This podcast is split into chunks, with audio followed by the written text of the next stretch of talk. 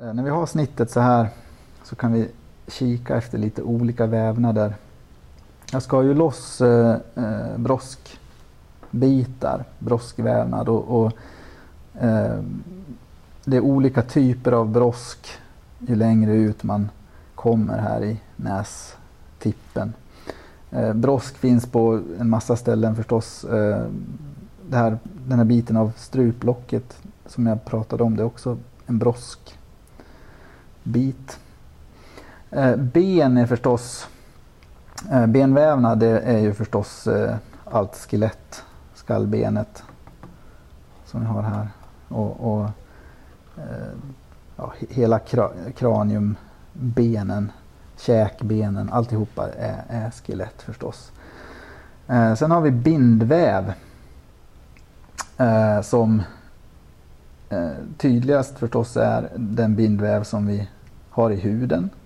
Om man tittar på eh, ett snitt av huden så här så är det mesta av det vi ser här är, är en eh, oregelbunden tät bindväv som består av både elastiska och kollagena fibrer.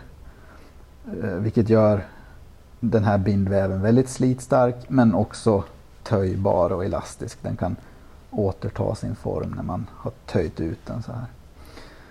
Eh, ni, ni, känner säkert till att eh, olika stödjevävnader som bindväv men även brosk och ben är eh, uppbyggda av eller genomlöps av eh, de här två typerna av fibrer, elastiska och kollagena fibrer. Och beroende på förhållandet mellan de här fibertyperna, hur mycket det finns och fördelningen av elastiska och, och kollagena fibrer så, så får man olika egenskap på vävnaden. Så en, en eh, väldigt fibrös brosk som vi hade här uppe i näshålan, det här som knastrade när jag skar i det. Den innehåller väldigt mycket kollagena fibrer och, och är ganska tät men å andra sidan inte särskilt elastisk. Medan glasbrosket, Eh, det hyalina brosket, generellt innehåller eh, mindre fibrer av bägge sorter men, men också eh, fördelningen är mer åt det elastiska till vilket gör att de här broskstrukturerna strukturerna blir töjbara och, och utan att de spricker. De är elastiska så att säga.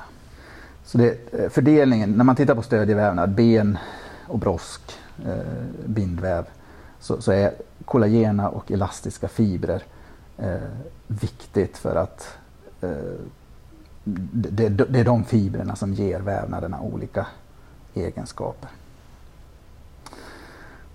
Um, så det var eh, broskben och eh, bindväv. Eh, muskelvävnad, den muskelvävnad som syns tydligast i, den här, Eh, i det här snittet nu, det är förstås tungan som är en stor muskel. Eh, den, eh, hela den här snittytan är muskelvävnad. Sen är själva yt, ytan av tungan då, det är en, en bindvävsyta och ytan allra längst ut där är det ett eh, flerskiktat epitel. Och så ser det ut i Eh, de här slemhinnorna också att på, på ytan så ligger det epitel. Ett litet tunt bindvävslager och så epitel. Och epitelvävnad är ju den här ytbeklädnadsvävnaden.